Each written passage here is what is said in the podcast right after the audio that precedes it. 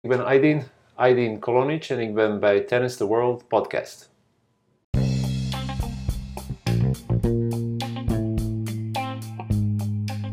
Welkom bij de Tennis the World podcast. Als jij een fanatieke tennisser bent en graag beter wil worden, dan is dit de podcast voor jou.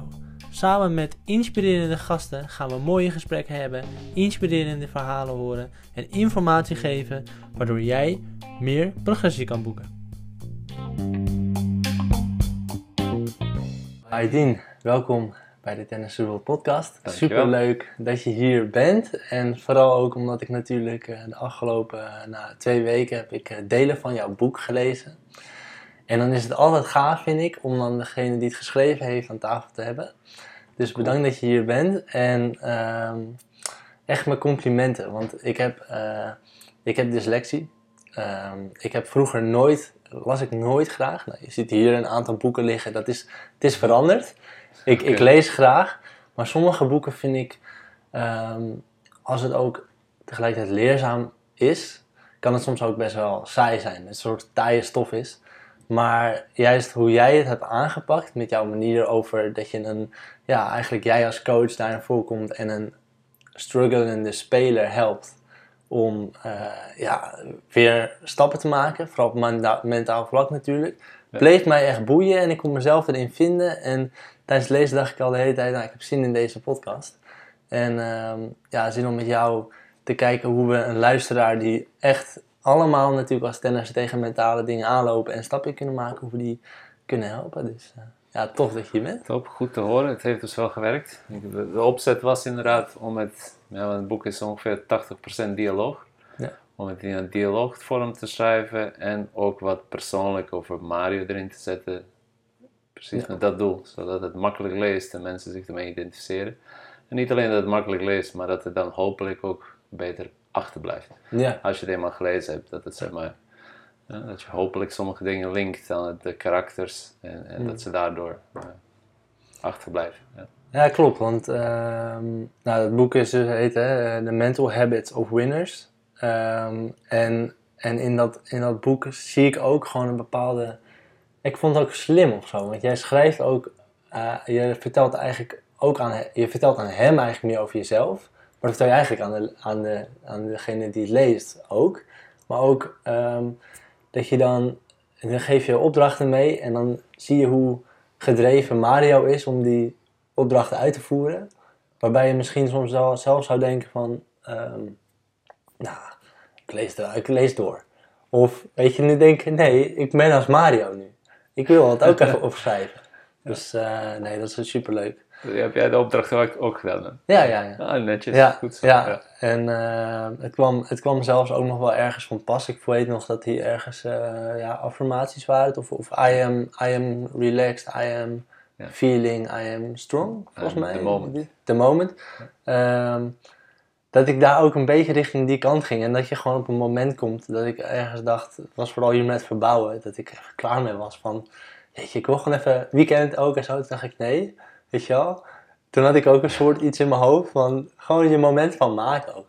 Dus dat was wel grappig en dat had dan helemaal niet met tennis direct te maken. Maar eh, zo is het volgens mij ook bij jou een beetje, ik heb wat research natuurlijk gedaan en ook in het boek, zo ook een beetje begonnen. Hè? Dat het voor jou het mentale aspect begon niet direct op de tennisbaan, Nee, precies. eh, ja. maar ook juist daarbuiten. Kun je daar meer over vertellen en over jezelf, ja, wie je bent?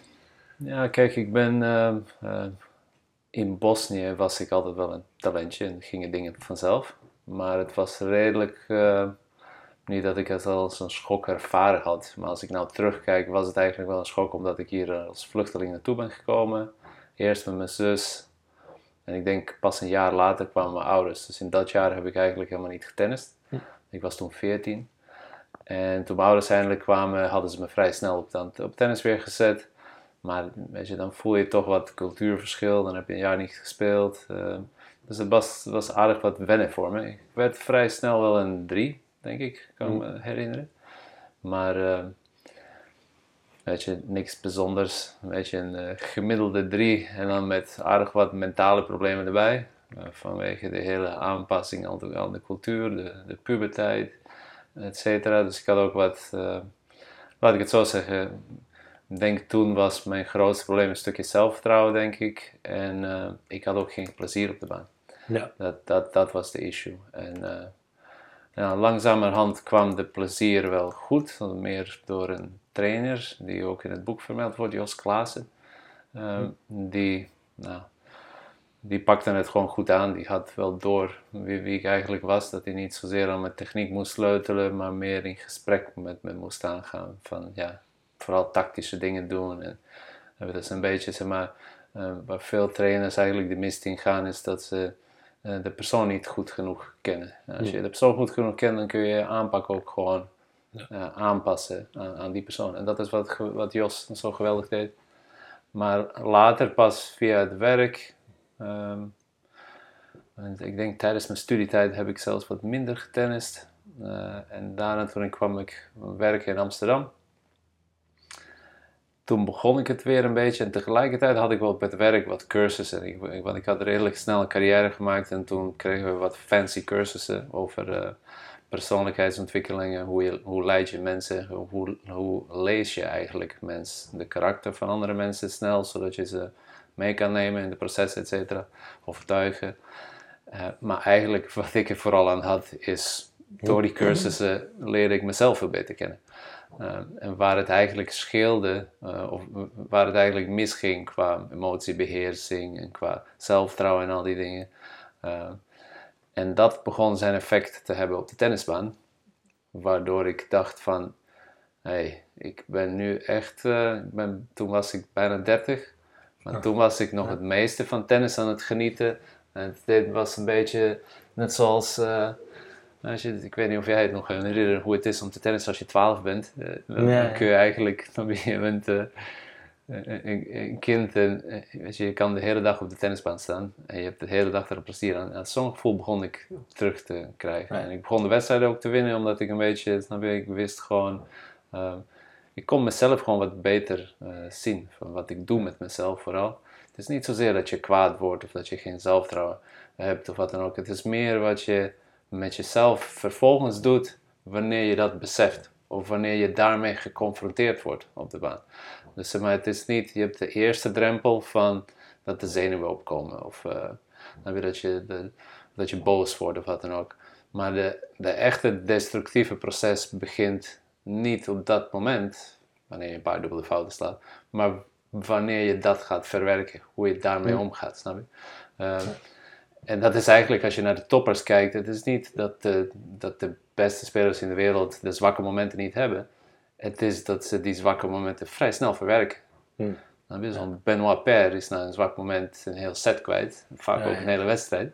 Ja. Uh, Nadal of Djokovic zijn wat? Misschien een paar punten kwijt. Hooguit een game en dan zijn ze er weer. Ja, precies. hun hun uh, tijdframe om dat te verwerken is kort om vervolgens weer zich te herpakken hoe bewust ze dat bewerken, dat is maar de vraag. Mm maar bij mij begon het heel bewust en nu ben ik op een plek waarbij nou, vaak merk ik niet eens dat ik de zwakke momenten heb. En, hm. Want ze worden steeds minder en minder frequent en uiteindelijk, maar zelfs wanneer ze komen, dan ga je ze op een natuurlijke manier verwerken. Maar eigenlijk moet je door een proces heen wanneer je dat bewust, zeg maar, verwerkt. En, en, want jij hebt uh, dan op, op uh, jij zei perso of persoonlijkheidstesten of, of wat was het? Uh, dat was of een, een, soort cursus wat je hebt gedaan bij werk? Dat, dat heet MBTI, Myers-Briggs Type Indicator. Okay. En, um, het is een beetje gebaseerd op de filosofie van Jung. Je hebt zo'n beetje in de, in de psychologie heb je een beetje de tweedeling tussen Freud en Jung. Freud geloofde meer van ja, een persoon is een ongeschreven blad, we zijn allemaal hetzelfde en, en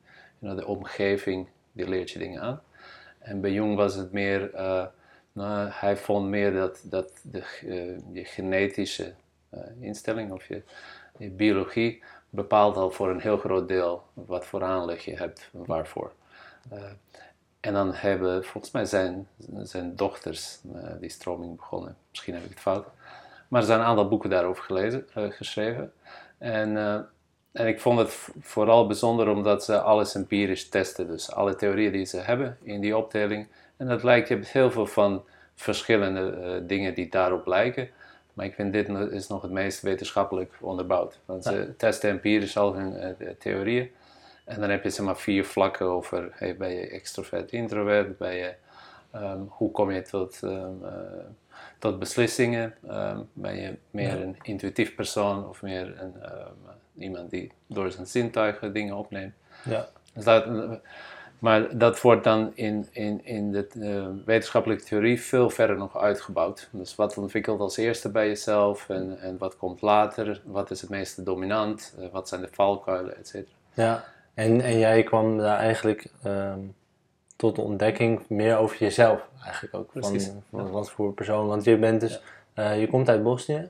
Mhm. Eh, je, je bent dus eh, naar Nederland gev- of gevlucht, zeg je dat zo? Ja, Eh, ja. En ehm, vanwege dat er oorlog was vroeger. Ja. En, en ik had inderdaad een stuk gelezen, was we bij de ehm, tennispassie. Waar Sophie jou had geïnterviewd. Klopt, ja. ja. Dus op die manier kwamen wij natuurlijk ook weer met elkaar in contact. Ehm, maar eh, ik, tenminste, ik ervaar het zelf ook. Ik denk dat het leuk is om, in die, zoals je dat eigenlijk in het boek met Mario deed, ook een beetje te kijken van, omdat ik het natuurlijk ook nu heel veel probeer te doen in mijn spel, ehm, ervaar ik ook nu met een trainer die heel erg mij eh, ziet als, eh, of in ieder geval heel veel vragen ook stelt. Ik mezelf wat meer ontdek ook in mijn spel. Mhm. Ehm, maar ik bijvoorbeeld eh, graag ook een, ehm, een creatieve speler ben, even als voorbeeld. En hij ook dat stimuleert om, om mijn creativiteit niet alleen maar juist zaaien en baseline en slagen. blablabla. Eh, is dat ook iets wat jij dus een soort van hebt herkend tijdens je, eh, ja, je werk die je toen nog deed? Van ook leer mezelf beter kennen, maar ook wat ik dus op de baan wil doen? Of hoe is die switch van die ontdekking daar op werk naar de tennisbaan gegaan? Eh, dat is een goede vraag. Voor mij was de, in verband, zeg maar, wanneer je het hebt over het mentale stuk, vooral me- mentaal, een stukje, ik denk de grootste winst die ik gemaakt heb, is een stukje acceptatie.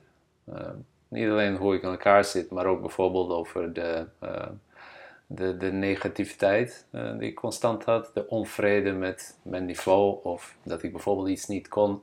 Laat ik een vrij concreet voorbeeld nemen. Ik, mijn, eh, niet meer, maar vroeger eh, was mijn backhand veel sterker dan mijn voorhand. Dus aan mijn backhand had ik het gevoel dat ik nooit een fout kan maken. Als ik aan een backhand kant een fout maakte, dan was het echt afgedwongen door iemand, dat ik gewoon te laat was, of dat er, ik noemde het, iets mis was. Nou, Mhm. Je glijdt uit, je, je wil iets te veel, maar in principe, eh, ja, aan mijn backhandkant kon ik nooit, laat ik het zo zeggen, verrast worden door een fout. Dat je de bal fout slaat en dat je denkt van, ja, hoe komt het nou? Ja. Dat je wist altijd wel hoe het kwam dan. Precies, dat had Ja. ik nooit. Dus ik had een heel zeker gevoel aan mijn backhandkant. Eh aan mijn voorhandkant heb ik dat, nou, merendeel van mijn leven gezocht. Hm. Datzelfde gevoel. Want ik vond van, hey, zo goed als mijn backhand is, zo zeker als mijn backhand voelt, dat moet aan de voorhandkant ook kunnen. En, en eigenlijk, de, eh, mijn voorhand begon eigenlijk beter te worden toen ik dat accepteerde van, hey, het zijn twee verschillende slagen. Waarschijnlijk heb ik een, snap je, iedereen heeft op zich wel een voorkeur. Het maakt niet zoveel uit of je nou rechts of links bent. Uh, Moratoglu vindt dat het ligt aan welk oog dominant is. Hm. Als je rechteroog dominant is, dan ben je bet- beter aan de backhand. Als je linkeroog dominant bent, ben je beter aan de... Ik weet niet of het zo simpel is. Waarschijnlijk heeft het wel een invloed op. Mhm. eh, daarop. Eh, het kan ook puur zijn door hoe die slag zich technisch ontwikkelt. En als ook tactisch hoe je hem gebruikt. M- maar wat de reden ook is. De clue is dat je één, dat erkent. Ja. a- Als dat zo is. Ja. Twee is dat je het accepteert. En drie, gezien die feiten, dat je echt eens goed kijkt. En daar heb je bijvoorbeeld, dat heb ik dan zelf met mijn eigen spel gedaan. Maar idealiter, dat doe ik nou als ik coaching sessies geef, of als ik tennisles geef. Dan kijk ik naar die speler en dan gaan we kijken van, maar wat kun je met die twee slagen? Nou, en er zijn dan ook, waren er negatieve punten aan mijn backhandkant. Ik kon alle backhand slaan die ik kon bedenken, van lobs tot kort cross tot eh, vlak rechtdoor, ik kon ze allemaal. Maar wat heel moeilijk voor me was, is om vaart te maken. Hm. Om zeg maar opeens, zeg maar, laten we zeggen, iemand slaat een redelijk zachte bal, om dan met die backhand uit te halen en, en vaart te maken. Dat kon ik dan weer niet. En eh, oké, en dat, als je dat dan als een feit neemt, nou wat kan ik wel met mijn voorhand? Nou, hij is niet zo vast. Ehm, als ik een vastheidsrally speel op mijn voorhand kan, dan maak ik wel fouten. Maar ik kom wel vaart maken met mijn voorhand. Hm. Oké, dan kom je al, begin je een beetje richting nou weer een stukje conclusie te trekken. Oké, dus hier zoek je wat vastheid die merken kan. Je voorhand kan wil je druk kunnen zetten.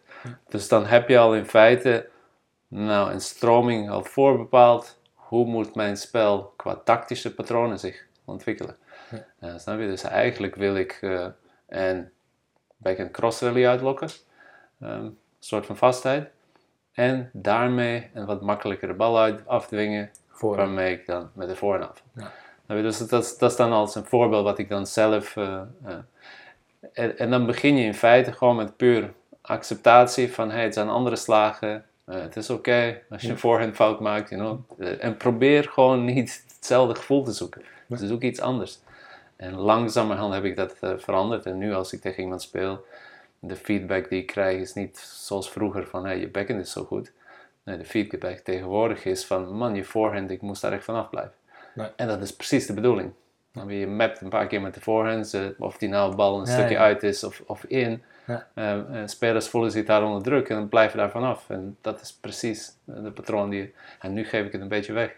Als mensen kijken Ja, ja, ja. Hoe, hoe ik speel. Klopt, klopt. Maar, eh, Ja, maar dus, dat is een beetje op tactisch vlak. Op, op taalvlak eh, begon het met eh, simpelweg de, de, de acceptatie. En eh, het, het veegde gelijk ook een stukje negativiteit weg. ja Dus want je zat best wel in strijd vroeger met, over, met bepaalde beeld van jezelf, over bepaalde slagen of over Ja. de prestaties die je zou kunnen leveren voor jou. Ik werd vrij snel negatief als de Ja. voorhandfoutjes beginnen te komen. Vervolgens gaat dat over naar van, ja, ik kan helemaal geen back voorhand slaan. Wat dan resulteert in een laag zelfvertrouwen. Stap je Ja. een wedstrijd in, denk het, maar dit is een goede speler. En je vergeet dat je zelf ook een goede speler bent. Je denkt van, ik kan geen voorhand slaan. Mhm. Dat, dat was het vroeger. hè. Ja. Want wat is dan, ehm, eh, stel eh, iemand, teamgenootje van mij, die, eh, die zit uh, is niet zo hoor, maar stel hij heeft heel erg veel moeite met zijn voorhand en hij heeft nu ook het beeld van mijn voorhand is echt slecht. Mhm. Ja, waar te beginnen is dan, het begin is accepteren dat, dat eh, als je backhand goed is en je zoekt ongeveer hetzelfde gevoel aan de voorhand kant, ehm, één, dat dat accepteer wat je hebt. Ja. En ga dan eens goed kijken van eh, wat je ermee kan. En probeer bijvoorbeeld, dus je hebt altijd twee opties. Je kan die slag, als die wat minder is, verbeteren in de minpunten. Of je kan dus die, de, de, de goede punten van die slag kun je proberen te versterken door tactische patronen te ontwikkelen, zodat je die slag krijgt. Ja. Snap je? Dus stel dat je, eh, laten we zeggen, moeite hebt met ehm, slice op je voorhand, met lage ballen op je voorhand, maar je kan hem wel van hoog nemen en naar beneden slaan. Maar dan kun je eens kijken van, hey, hoe kan ik eh, die patroon uitzoeken? Dus dan zou ik bijvoorbeeld gelijk al kijken, ja, niet zo vaak de backhand cross rally aangaan, want dan is, stel iemand slaat dan waarschijnlijk op een gegeven moment een sliceje naar je voorhand toe, ja, maar dan zoek je de voorhand cross rally aan. Ja. En meestal wordt die eh, met spin geslagen. Dus dan ga je de voorhand cross rally aan. Dan krijg je meestal wat hoger en dan wacht je op een iets kortere bal, zodat je kan Ja. druk zetten. Dat is een- als een voorbeeld. Eh, maar je begint in feite door één stukje acceptatie. hey, ik heb wat ik heb, laat ik goed analyseren wat ik kan. En dan de keuze. En vaak maak je die dan, als ik dan le- lesgeef tegenwoordig, dan maak ik de inschatting van, hey, eh, hoe nuttig is het om bepaalde zwakke punten te verbeteren? En hoe nuttig is het om bepaalde sterke punten, eh, om daar een soort van wapen te maken? Hmm. En, eh, en ik moet zeggen, eh, vaker is het zo dat het nuttiger is om van een wapen, om van sterke punt een wapen te maken, dan eindeloos aan die zwakke punten te werken. Eh, ook, ook omdat je daarmee de speler nog meer vertrouwen geeft in zijn spel. en mentaal, eh, je geeft hem vertrouwen in je spel, maar ook eh, puur gewoon in, in trant van ehm, resultaat. Eh, Ja. kijk, Het leeft gewoon meer op ook in je spel. Maar vaak hebben we het over, misschien zou ik het anders aanpakken bij, bij de jeugd, omdat zij zich nog veel sneller kunnen ontwikkelen. Maar als je het hebt over volwassen spelers, en een zwak punt, daar heb je veel langer voor nodig om, om die weg te poetsen, zeg maar, dan om van een sterk punt een wapen te maken. Want vaak heeft dat alleen maar met een stukje tactiek te maken. Mhm. En niet zozeer om ook echt te gaan drillen technisch, om, om iets nog iets te, aan te passen. Ja. Ik wil, mijn, mijn leukste voorbeeld is van een speler, ik denk dat hij een 5 was. Hij was een 5 en hij had een voorhand van een 3-speler en een backhand van een 8-speler. Hij kon hem letterlijk niet slaan, de backhand. Het was gewoon een slice, maar niet eens een slice, maar zo'n slice als je maar dan gaat hij zo recht omhoog. En, en hij, maar hij was al op leeftijd, volgens mij was hij een 40 of zo. Eh, En hij wilde, hij, hij zei: Ik ben al twintig jaar aan mijn backhand aan het werken en ik wil aan mijn backhand. Ik wil dat jij me helpt om mijn backhand. eh, en eh, nou, een maand later stuurde hij me een e-mail. Hij zei: Nou, ik heb nog nooit met zoveel plezier op de baan staan. Jij hebt me een reden gegeven om me niet meer zorgen te maken over mijn backhand. Hmm. Maar na die les zei ik gelijk van, kijk, ja, we kunnen wel aan die backhand werken, maar eh, zijn voetenwerk, omdat die voorhand zo goed was, zijn voetenwerk was al top. Hij ging constant om zijn backhand heen. Ik zei van, joh, wa- waar maak je druk om? Ik bedoel, je, je speelt hartstikke goed, je gaat meestal om die backhand eh, heen lopen. Ehm, ik zou vooral daarop focussen. We kunnen hooguit bij die backhand zou ik misschien een kort balletje introduceren. Dus we hebben wat geoefend dat hij, snap je, want eigenlijk slaat hij alleen maar ballonballen met die, met die Ja. backhand. Als je even nog een kort balletje introduceert, de verrassing. Maar voor de rest wil je eigenlijk vooral je patroon uitlokken. Dat je, dat je aanvalt met je voorhand. Zo snel mogelijk aanvallen met je voorhand. En daarop eh, en genieten van man. Ja, precies. Just ja, enjoy. Dat is het ook. Ja. Want eh, ja, dat is, ja, je moet eigenlijk je spel natuurlijk zo neer gaan zetten dat je eh, dat je, je tegenstander ja, pijn gaat doen wel op, op de zere plekken van je tegenstander, maar ook wel weer met jouw sterke of wapens. Eh, en, en toch is het inderdaad vaak, ja, ook in het dagelijks leven denk ik, dat we veel focussen op dingen die niet goed gaan. Eh, ik hoef ook maar bij de eerste lessen die ik dit seizoen weer gaf te vragen van, nou waar willen jullie aan werken? Nou, mijn backhand is niet goed, de surf vind ik heel moeilijk. Ik zeg, oké, maar wat, wat, is, wat is nou goed aan je spel? Waar heb je nou vertrouwen in? Nou, daar hadden ze echt tien keer zoveel tijd voor nodig om over na te denken. Ja, ja En dus eigenlijk... Vaak kun- weten mensen het niet eens Nee. zo goed. Weet je, wat, wat ze, waar ze echt heel goed in zijn. Ja, en, ehm, maar het is ook wel weer grappig, wat ik een beetje ervaren heb de laatste paar jaar, is dat eh, inderdaad mensen niet echt goed weten waar ze goed in zijn, maar soms ook dat ze denken van ik ben heel... Ik had, ik had bijvoorbeeld ook, heb ik gemerkt, ik, het idee dat ik veel sterker was aan de voorhand, Ehm, maar dan kwam eigenlijk wel uit dat ik best wel sterk ben ook aan de backhand. Terwijl ik altijd het idee had, nou, die backhand is eigenlijk helemaal niet zo goed bij mij, ik moet echt van mijn voorhand hebben. Maar Ja. in allerlei dingen merk ik gewoon van, nou ja, eigenlijk is eigenlijk die backhand best wel erg goed. Het is ook wel leuk om, eh, om dat eh, te ontdekken. Maar wat ik gezegd, geniet ervan. Ehm, je hebt het ook in het boek ergens over, eh, nou, ehm, fighting spirit, ehm, er echt voor willen vechten. Maar ik zie soms ook bij mensen de, dat het lastig is om ergens hard voor echt je best te willen doen. Echt willen vechten om te willen winnen. Maar ook in combinatie met genieten van het spelletje. Ja, Hoe- kijk, ik vind dat, dat is misschien nog. ehm, eh, kijk, veel van die termen die, eh, wanneer we het hebben over het mentale vlak, worden een soort van eh, vanzelfsprekend genomen. Terwijl mensen er zelden echt bij stilstaan en zelden worden ze echt gedefinieerd. Dus als we het hebben bijvoorbeeld over focus. Nou, Hmm. Iedereen wil, denkt wel te weten wat dat inhoudt. Eh, maar als je het goed analyseert, besef je dat eh, eh, sommige dingen waar je zelden bij stilstaat. Nou, één is dat, dat bij tennis moet je op heel veel dingen, verschillende dingen focussen. Nou, je bent eigenlijk, zonder het door te hebben, vooral met de bal en met de tegenstander bezig. Hoe die beweegt, zodat je kan anticiperen wat hij gaat doen. Op de bal, hoe beter je op de bal focust, hoe, hoe beter je timing is. Maar je hebt ook dingen zoals ehm, ehm, je tactisch plan. Eh, Je tactisch plan, of je nog kleiner, eh, als je dat, dat nog directer neemt, je letterlijke bedoelingen in een bepaalde rally. Eh, dus je, je kan dat echt, je kan daarin duiken. Maar als je dan nog eens een, een laag dieper in duikt, kun je je afvragen, wat is dan het uiteindelijke doel? Wat is de ultieme focus? En de ultieme focus is dat je in een soort van flow raakt. Mhm. In een soort van trance. Ja? En, eh, en dat is wanneer je echt, zeg maar, eh, eh, de flow is, ik weet niet of je het zelf ooit meegemaakt hebt, maar meeste Mhm. spelers wel. Ja. En je blijft het eigenlijk je hele leven zoeken, die, die flow. Ook dat kun je trainen. Want er is genoeg onderzoek gedaan naar flow en hoe je dat kan veroorzaken. Of niet veroorzaken, hoe je de kans vergroot dat flow opkomt. Want flow heb je niet helemaal onder controle, want flow houdt eigenlijk in dat je niet eh, bewust bent van wat er aan het gebeuren is. En daardoor heb je het niet helemaal onder controle. Want iets onder controle, dat betekent dat je een stukje bewustzijn nodig hebt. Mhm. Eh, en flow, dat komt op. Maar je kan het wel veroorzaken. Eh, je kan het, ik bedoel, je kan wel de kans vergroten voor, dat, dat flow opkomt.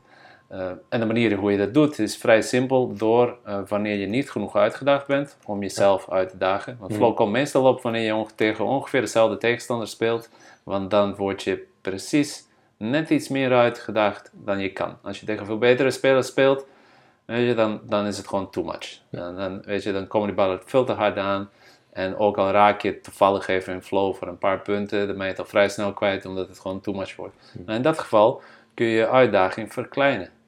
Dan probeer je niet je spel te spelen of je sterke punten naar boven te laten komen. Dan probeer je letterlijk te overleven. Dan is je doelstelling, ik krijg, ik blok hem terug, die harde service. En dan zie ik wel. Snap je?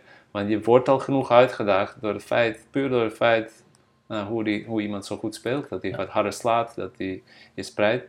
Eh, dus dat is bijvoorbeeld over, over focus en flow. Als we het hebben, want je vraag was meer over fighting spirit. Nou, ik vind het wel interessant over flow. Want zeg je dan dus als je tegen een betere tegenstander speelt, dat je het jezelf makkelijker moet maken? En dat als je tegen iemand speelt die minder goed is, die jezelf eh, moeilijker moet maken? Precies. Ja. Ja. Om de kans te vergroten dat je in flow In flow, ja. Want vaak heb je, mensen zeggen ook meestal van, hey, ik heb moeite met spelen tegen mindere tegenstanders. Mhm. En dat is de reden. De reden is omdat je een soort van afdwaalt. Je verliest focus, omdat je niet zoveel focus nodig hebt. Alleen als je focus verliest, dat heeft dan weer, snap je, negatieve Ja. gevolgen. En ook puur het, het, feit dat, kijk, om, om echt goed te spelen, moet ook wel iets uitdagends naar je toe komen. Meestal kun je een harde bal slaan wanneer die bal hard. wat harder naar jou toe komt. Ja. Dus het is aan de ene kant een stukje acceptatie ook weer, oké, mijn niveau zal wat lager zijn tegen een mindere tegenstander. Dat is oké. Mhm. Ik ga het voor mezelf wat moeilijker proberen te maken. Ik Ja. probeer bijvoorbeeld geen slices te staan met mijn backhand. Mm. Ik wil ze allemaal gewoon nemen. Dat is wel gelijk moeilijk. Ik probeer de service aan te pakken. Ik stap wat meer naar voren. Ja. Dan moet je gelijk wat meer focussen. Nou, dus je, je, je maakt Ja, het klopt. Dat moeilijk. is ook natuurlijk waar veel spelers eh, inderdaad de makkelijkste, de hele rally, makkelijkste bal komt en die wordt gemist. Precies. Maar dan heb je precies jezelf... de reden, ja. Ja, Je ontspant en je denkt van oké, deze kan ik wel met, di- met ogen dicht doen. Nou, probeer het maar eens Ja. met je ogen dicht. ja, En, Ja. Maar dat is dan een voorbeeld van een van die eh, mentale aspecten, zoals focus, waar, waar dan redelijk makkelijk over gedacht wordt, die dan niet helemaal eh, geëxploreerd wordt. En hetzelfde is over vechtlust. Iedereen weet ongeveer wel wat vechtlust inhoudt. Eh, maar ik vind dat vechtlust bijvoorbeeld, tuurlijk, het houdt, vechtlust houdt in wat iedereen denkt dat het inhoudt. Willen winnen. Hmm. Vechten voor die winst, ook al sta je, you know. Maar eh, wat houdt het nou precies in? Hoe doe je dat? Willen winnen. You know? Het is, ja, want wat je zegt, ja. hoe doe je dat? Dat is ook wel een stuk waar je in het boek ook over schrijft. Ik, moet daar vooral nog komen, begrijp ik. Maar Ja. eh, eh, dat, er, dat er genoeg boeken zijn waar er wel gesproken wordt over de technieken. Maar hoe je ze echt praktisch inzet, dat is waarom mensen dat boek moeten gaan lezen, toch? Ja, ja. Ja. Kijk, wat, wat, waar ik poogde eh, om een kleine stap terug Ja, te nemen, bij, eh, eh, zeg maar, in mijn eigen gewaarwording op de tennisbaan, toen ik eindelijk wat eh, rust begon te krijgen, et cetera. Voor mij was het zo fijn dat ik echt eh, dacht van, oké, dit, is, dit is geweldig. Ik begon, begon toen, tot op dat moment had ik nog geen enkel mentaal tennisboek gelezen. Hm. Ik had het dan alleen maar over het stukje eh, psychologie van eh, Jung, had ik wat dingen gelezen. En toen begon ik al die boeken van Dennis te lezen. En, eh, en ze waren geweldig allemaal, stuk voor stuk. Eh, er zijn er, ik denk, vijf, zes die echt goed zijn. Het beste vond ik, dat is waarschijnlijk ook de reden waarom Slim Tennis echt die naam heeft. Er is een boek in het Engels, dat heet Smart Tennis. Hmm. en, en is een sportpsycholoog en heeft ook een hele reeks. Hij heeft ook Smart Golf, Smart this. Smart that. Eh, die vond ik nog het meest compleet. Eh, maar ook dat boek had het eigenlijk alleen maar over sportpsychologische techniek. En wat ik de hele tijd miste, en ik heb veel sportpsychologen ook gesproken, en ook zij hebben het over de sportpsychologische technieken, zoals visualisatie, zelfspraak, identiteitscontrole, aandachtscontrole. Maar ik dacht de hele tijd, weet je, van. En dan wat zij dan proberen, is zij proberen dan atleten eh, goed te laten zijn in aandachtscontrole, visualisatie, die sport. En dat is hetzelfde alsof je zeg maar, een, tennisspeler, eh, als je het gaat naar technisch vlak, je leert hem een voorhand slaan en een service en een volley. Maar heb je dan een goede tennisser? Net zoals dat diezelfde vraag kun je stellen wanneer je eh, eh, al die sportpsychologische technieken aanleert. Van, Ja, ik kan visualiseren, ik, ik gebruik Precies. positieve zelfspraak, Je kan maar de ben bal je dan mentaal slaan. sterk? Je kan de bal slaan, maar kan je ook goed wedstrijd spelen. Weet je, er is een verschil daar. Dus ik was, ik was eh, constant op zoek van, oké, maar we missen hier iets. En toen besefte ik, eh langzamerhand vormde zich dat model in mijn hoofd. En ik dacht van, oké, en mijn model heet dan de Triple Five. De Triple Five is, hey, eh, aan, helemaal, aan de ene kant zitten de vijf technieken, sportpsychologische technieken, die je kan gebruiken. Maar in feite is dat niet het doel. Het doel is, zijn deze vijf eh, karaktereigenschappen. Die probeer ik te ontwikkelen. Mhm. En je kan elk van die vijf sportpsychologische technieken gebruiken om elk van de vijf van die eh, karakteristieken, persoonlijkheids, eh, eh, karaktereigenschappen te ontwikkelen. Dus één van die is vechtlust. Ja. Nou, er is geen techniek, eh sportpsychologie, die vechtlust eh, he- heet. Eh, en voor vechtlust kun je visualisatie gebruiken, je kunt eh eh, zelfspraak gebruiken, je kunt al die technieken kun je gebruiken om je vechtlust te versterken. En dat is wat je doet. Je gebruikt die technieken, Ja. maar dan miste ik nog, nog twee dingen. Eh, ik zei al triple five, dit zijn de twee vijven. Ja. Nou, één vijf is de, waar doe je dat? Waar Ja. kun je mentaal trainen? Eh, En eh, ik onderkende van, oké, wat zijn nou precies de momenten wanneer we dat doen, terwijl we het niet eens doorhebben? Snap je? Iedereen heeft een stukje voorbereiding op de wedstrijd. Of, je die, of jouw voorbereiding is haasten op je fiets om, om de wedstrijd nog net te halen. Ja. Dat is ook een soort voorbereiding. Ja. Of het is zeg maar avond van tevoren al kijken tegen wie je speelt en een goede warming-up doen. Die voorbereiding op de wedstrijd, dat is een trainingsmoment in feite. Want wat je daar doet, je, je, je voert iets constant uit. En je wil het hetzelfde doen, je wil een soort van gewoonte, routine creëren. Nou, toen ik ehm een van de vijf eh, eh, eh, situaties waarin je mentaal kan trainen, is ook je dagelijks leven. Vooral voor de mentale kant eh, betekent het van hoe je iets doet, is hoe je alles doet. Dus je kan niet verwachten dat je een, een super rustig persoon op de tennisbaan bent eh, als je in je leven nou, constant ontvlamt of, eh, Ja. of wat dan ook. Dus in feite hoe je, ehm, hoe je in je dagelijks leven bent, zo, dat is in feite ook een trainingssituatie voor hoe je op de, op de baan Mooi, zal ja. staan. Ja. Dus wat ik uiteindelijk nog miste is van, oké, ik heb nu de ingrediënten, ik heb de technieken, ik heb waar je het kan trainen. De wedstrijd zelf is ook een trainingsmoment. Eh, en ik heb van de, de karaktereigenschappen, wat probeer ik eigenlijk eh, te ontwikkelen. En wat ik nog miste is van, of wat ik besefte is van, wat je eigenlijk doet, is je langzamerhand wil je je gedrag veranderen. Want het gaat om je gedrag op de tennis- tennisbaan. Je gedrag beïnvloedt hoe je denkt en ervaart, et cetera. En om gedrag te veranderen, wil je eigenlijk gewoontes veranderen. Hm. Om je gewoontes te veranderen, dat is heel lastig, omdat één, eh, ze, en, en ook over gewoontes heb ik genoeg theorie in, in, eh, in, in mijn boek. Ja. Eh, want daar bij gewoontes gaat het om, om, om een paar dingen. Er is, er is een trigger, iets wat je gewoonte doet opkomen. Er is een stukje gedrag. Een trigger als voorbeeld kan zijn, ook op de baan, eh, bewijs van die ene bal die weer net over het netje heen eh, valt, waardoor je Dubbele fout. of dubbel fout. Dubbele fout. Ja. Iets heel simpels wat iedereen denk ik herkent. Ja. Dubbele fout kan een trigger zijn. Hm. Of zelfs iemand die zegt uit op een bal die jij op de lijn ziet Hm. landen. Ook dat is een trigger. Ja, precies. Vervolgens heb je het gedrag, dat is je daadwerkelijke gewoonte. Ja. Bij een dubbele fout, wat doe je met jezelf intern? Wat maak je jezelf wijs? wat Hmm. ga je dan denken? En bij die bal die op de lijn landt, of die uitgeroepen wordt en jij ziet hem op de lijn landen, hoe reageer je erop? Dat is je gedrag. En de derde is van elk gewoonte, ook de meest destructieve gewoontes, dus gewoontes die echt negatief zijn voor je, hebben een positieve soort van bevredigend resultaat. Dus ze hebben een, een stukje positief invloed op Ja. je. Ehm, en, en weet je, als je denkt van ik moet nou opstaan uit bed om iets te gaan doen en je blijft toch iets langer liggen, obviously, dat is een slecht gewoonte. Snap je? Je krijgt iets niet gedaan of je komt ergens te laat, maar je krijgt een soort van bevredigend gevoel. Maar het voelt nooit zo fijn om nog even te blijven liggen wanneer je weet dat je uit het bed moet. Hmm. Snap je? Het voelt totaal niet fijn als je helemaal geen haast hebt. Dan Ja, weet je, Mhm. maar het voelt veel fijner wanneer je toch nog even blijft, wanneer je eigenlijk... Dus het is dat... je?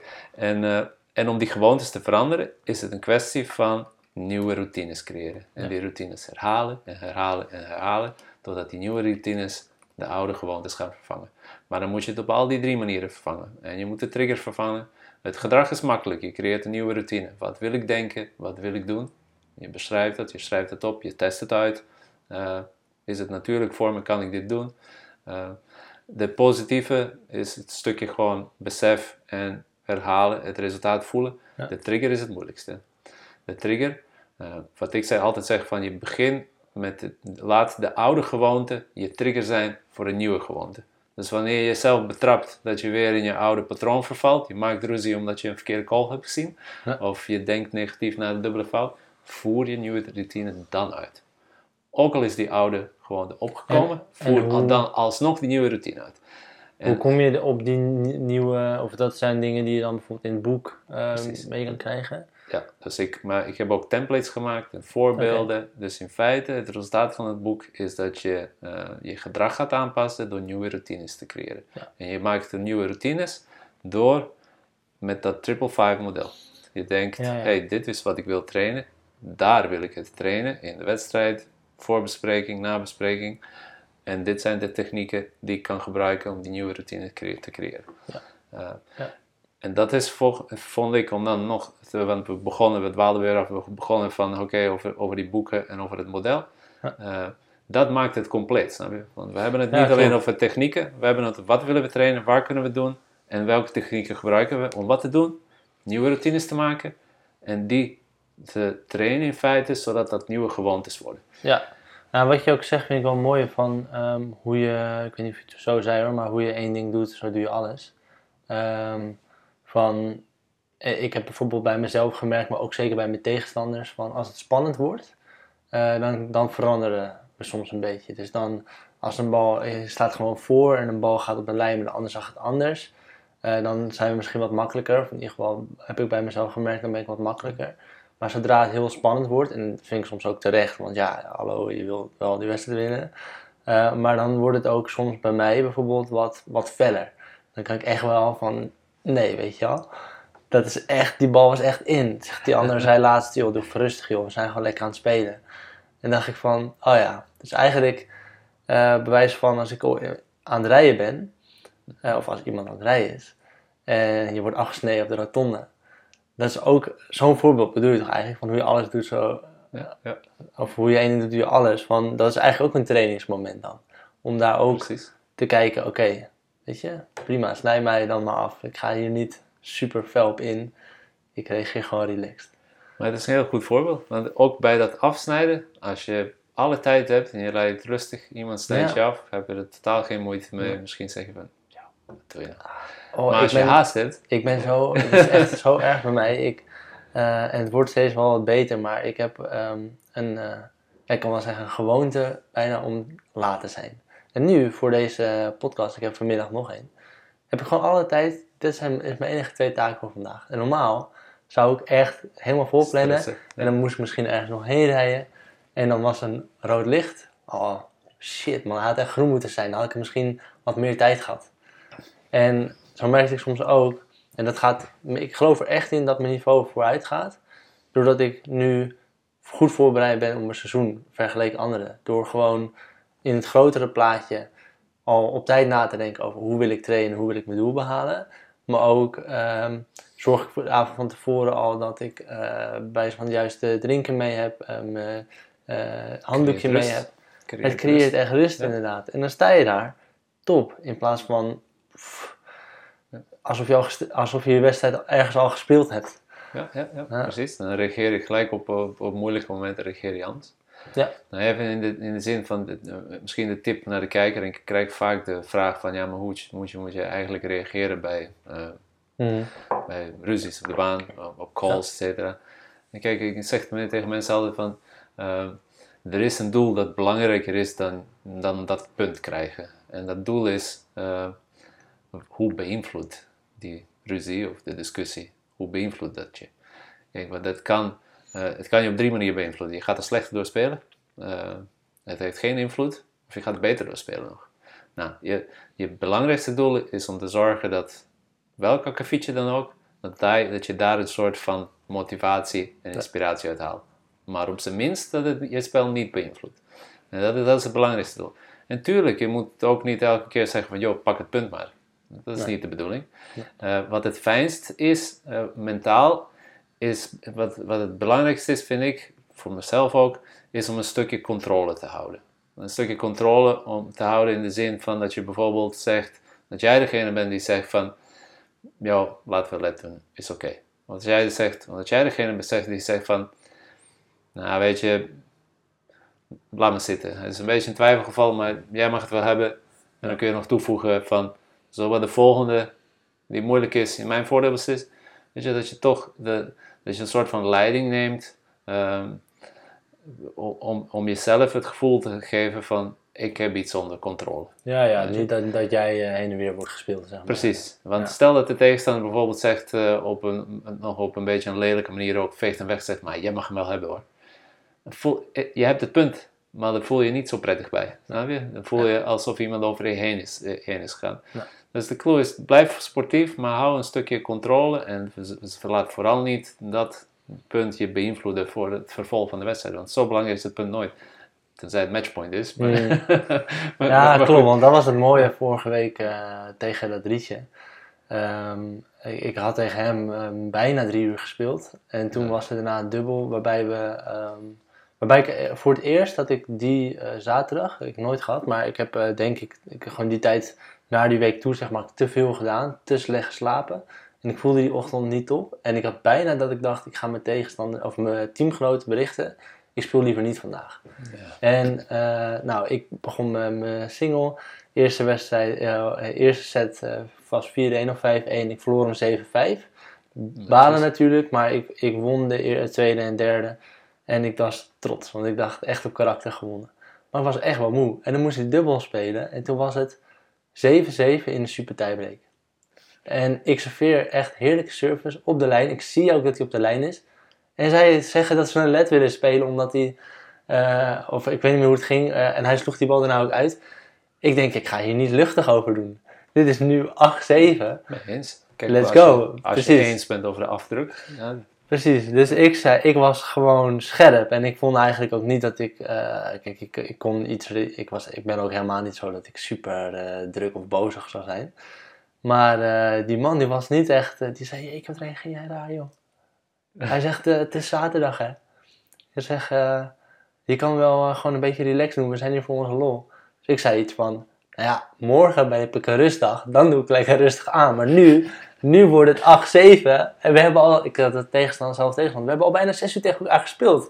Ik zeg, ik wil deze, dit punt is voor ons, ik wil hem hebben. En uiteindelijk hebben wij die punten erna gepakt. En het Ja. voelde wel van eh, goed, want soms zou je ook kunnen kiezen om, ah, oh, ze zagen het anders. Maar je hebt dan wel, precies. Je hebt, je, hebt, je hebt de controle gehad en, en je hebt het ook over, je, hebt- je volgt de regels in feite. Want als je een verkeerde call maakt, dan verlies je gewoon het punt. Ja. Ja, kijk, de, de, en de, de truc is altijd om, om het gewoon sportief te doen, zo- zonder ruzie, maar wel Mhm. die regels aanhouden. Ik kan me een, een heel mooi voorbeeld, eh, wat ik zelf vaak gebruik. Ik zag een, eh, ik heb een tijd ehm, gespeeld met eh, Pim Zijlstra, heet hij. Hij is een hele goede speler. Hij heeft ook Ja. gespeeld. We hebben samen ook zelfs een jaartje, denk ik, hoofdklasse gespeeld, heren. Maar ik zag het hem een keer doen bij, bij zo'n discussie. En eh, dus de tegenstander maakte volgens mij de, de bad call. Mhm. Wilde volgens de led spelen. Maar ze waren eens over de afdruk. En dat was gewoon een verkeerde call. Dus Pim zei van, joh, regels zijn regels. En hij zei iets heel moois. Op een heel rustige, coole manier zei hij van, dit is geen Mickey Mouse competitie. Het is gewoon mij. ja? Want zo kun je het ook doen. Dus, weet je, van ja, Klopt. zonder ruzie. Ik bedoel, regels en regels. Je maakt, jij maakt een verkeerde call. We, hebben, we zijn het eens over de afdruk. Hij is toch op de lijn. Ja, Ja, ja. We, we zijn niet met, we zijn niet zes jaar met de Mickey Mouse competitie bezig. Ik Nee. bedoel, ja, klopt. dit is toch redelijk serieus. Ik bedoel, we spelen op de punten. Niet, iedereen wil promoveren, niet degraderen. Ik bedoel, zo is het. Ja, je, je speelt daar toch wel om. Ja, je wil, ik bedoel, als de regels zijn, dan zijn de regels. En zo had ik dat ook inderdaad met de competitie. Dat iemand. ehm, Dus het was richting niet- setpoint voor mij volgens mij. En het ging heel, was ook alweer heel spannend. En ehm, er was veel wind. Is drie weken terug of zo. En ik sla een bal mijn voorhand uit. Maar die tegenstander kon hem niet ontwijken. En hij raakt hem aan met zijn voet voordat hij de bal eh, de grond raakt. En hij stond achter de baseline. En we waren de hele tijd super sportief en vriendelijk naar elkaar. En dat bleef ook wel zo. Maar hij zegt, ja, jouw call, weet je wel. Wil je nu een led spelen? Of eh, punt voor mij. Netjes, dat is heel netjes. En ja. toen dacht ik, oké, niks dat ik het vraagt. Maar een, paar, een tijdje daarvoor had ik eh, ook op een eh, dubbel eh 8, eh, ehm, was ook een super tiebreak. Dubbel 8-8 ehm, kreeg kon ik een bal net niet ontwijken die met de volley weg eh, uit zou gaan. Kraakte hem ook en toen hebben zij ook het punt gepakt. Ik zat echt in twijfel, want ik denk we zijn zo leuk aan het spelen met z'n tweeën. Ja, ik pauzeer is- je nu ja. heel eventjes. voor- i- Voordat ik weet wat je dus besloten hebt. Eh, dit bijvoorbeeld, eh, eh, hoe ik het hier dan zo, kijk, is... Het gaat er niet om of je dat punt pakt. Wederom, tenzij het een breakpunt, gamepoint, matchpoint is. Ja. Het gaat erom wat voor invloed heeft het je op Ja. je mentaal. Maar het kan Klopt. best zijn dat je op dat moment zegt van... Nou, ik pak het punt. En dat je er vervolgens mis zit. Klopt. Ja, en ik, Ja. ik zat er echt. ik, zei, ik zei ook echt volgens mij tegen hem van. eh, wacht, want dat doe ik heel vaak. Dat ik heel veel omkeer even naar het hek, heel veel nadenken. En toen deed, deed ik dat ook. En toen zei ik: nee, ik pak wel, ik neem wel het punt. Want ik dacht, regel is regel. Eh, en ehm, ik kon het vooral niet voor mezelf, denk het zou me negatief beïnvloeden. Omdat je anders misschien eh, zou kunnen denken van. Het ging zo nek aan nek. Van wat nou als ik dan toch dat punt gegeven had? Heeft het je beïnvloed toen je hem gepakt had, punt? Ehm sowieso niet negatief. Ik weet even niet meer of dat me echt positief, maar niet. Nee, maar zolang het je niet negatief beïnvloedt. Kijk, want op zich was het een hele mooie actie van hem. Niet alleen sportief, maar ook mentaal sterk. Waarbij hij zegt van, joh gast, ik heb een fout gemaakt hier. Van, Ja. eh, aan Was jou, aan jou door de keuze. Snap je? Dus hij, hij blijft onder controle. Hij neemt vrede met allebei. En hij Ja. zet de druk op jou. Klopt. Nu is Vond druk knap. mentaal Ja. op jou. Snap je? Mentaal is druk op jou. Van, het kan best zijn dat, dat wat je ook doet. Snap je? Je Ja. neemt het punt en dan zit je ermee. Nou, was ik nou net onsportief. En voor je het weet, verlies je twee, drie punten. Mhm. Ja. Mhm. Nou, dat, dat, dat laatste wat je zegt, was ik eh, onsportief, dat zat wel een beetje in mijn hoofd. Van, eh, dat bedoel ik, snap je? En, eh, Ook omdat je hebt wat mensen die kijken en dan ben je toch een beetje diegene die zegt, ja, nee, ik wil het punt gewoon hebben. Terwijl ik hem eigenlijk uitsloeg een meter. Ja, ik, soms lastig. Dus, maar daarom, het is, het goed, goed gedaan voor hem. En dan, als, jij, als het jou niet beïnvloed heeft, dan maakt het even niet uit wat je besloten hebt. Het gaat erom dat het je niet beïnvloed heeft. En dat is goed. Maar waar, waar ben jou dan begonnen ehm, om hier meer over te leren en mensen bij te helpen, is dus, was dus buiten het tennis. En ik denk dat, dat, ehm, dat ik dat zelf ook steeds meer ervaar. Maar hoe je inderdaad gewoon bent als persoon. Ja. Eh, hoe ehm, ja, veel vertrouwen je hebt. Of eh, ja, hoe je gewoon, sowieso ook bijvoorbeeld communicatie naar, naar je tegenstander toe, maar ook buiten de baan. Eh, gewoon het, het algemene je eigen karakter eigenlijk.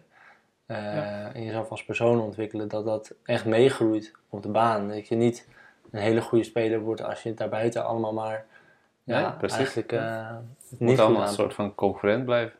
Ja, En het is eigenlijk, ja, wat ik vervolgens met mijn tennisleven heb gedaan, is wat, had het even voor, Jo- voor Jos Klaassen, toen ik, Ja. weet ik veel, 17, 18 was. Eh, wat hij dus zag. Hij zag een persoon die alles tot in de detail wilde begrijpen. Hm. En dan pas kon ik er me, me zeg maar, daar putte ik een soort van vertrouwen uit. En, eh, en later heb ik dat ook beseft van, ik speel nu ook veel beter. Ik ging nog, nog beter tennissen bijvoorbeeld toen ik eenmaal de, de tennisleraaropleiding had gedaan.